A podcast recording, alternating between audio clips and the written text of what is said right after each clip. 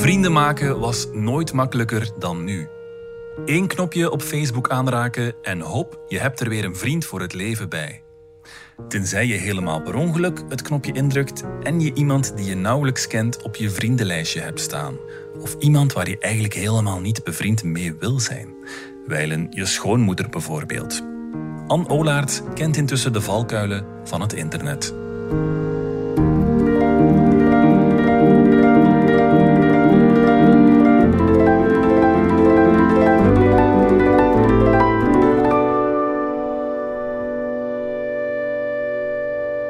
Xavier Taverne is mijn vriend. Op Facebook, per ongeluk. Want ik ken Xavier Taverne alleen van de tv. Het mag geen bodem heten, of toch niet voor vriendschap. Ik was hem gewoon aan het beloeren. Lurken heet het. Alleen maar kijken zonder iets te zeggen.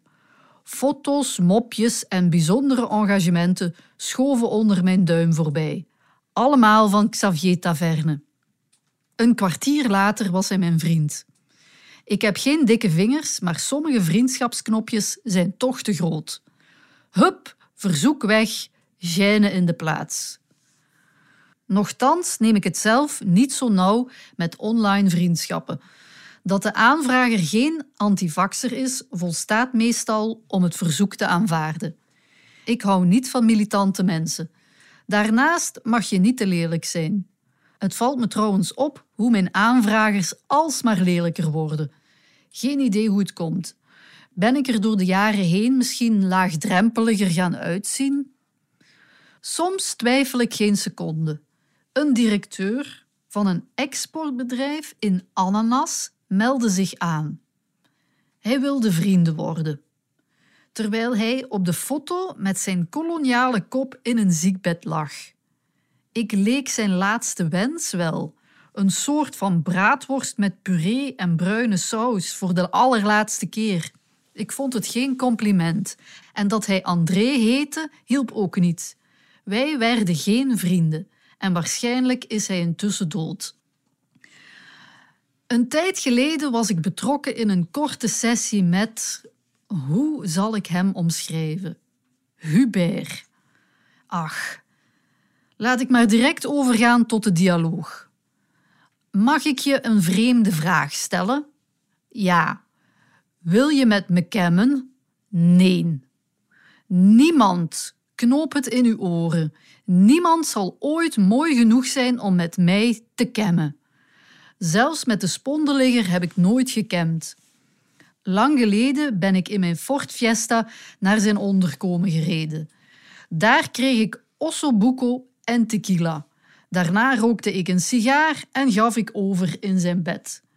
S'morgens checkte ik mijn blote billen. Goddank voelde ik niks speciaals. De spondeligger vond het charmant. Dat volstond. Online hou ik het bij schriftelijke correspondenties. Maar goed, het ging over Xavier Taverne, die nu mijn vriend is. Ik stuurde hem een bericht met pardon, want zo had ik het niet bedoeld. Bovendien was het een feestdag en geen eens acht uur s morgens. Mijn reputatie stond op springen. Xavier Taverne ging verkeerde dingen over mij denken. Hij antwoordde: Met u. Als u het ongemakkelijk vindt, mag u mij gerust terug weghalen, stuurde hij. Het bracht weinig soelaas, ook zijn smiley niet. Gelukkig was ik de schaamte na drie minuten vergeten. Ten slotte ging het niet om de nieuwe vriendin van een oud lief, want ook zij is mijn vriendin op Facebook. Gewoon omdat ik op een ochtend naar haar dikke borsten aan het kijken was. Bovendien wilde ik per se weten wie de nieuwe profielfoto allemaal had leuk gevonden.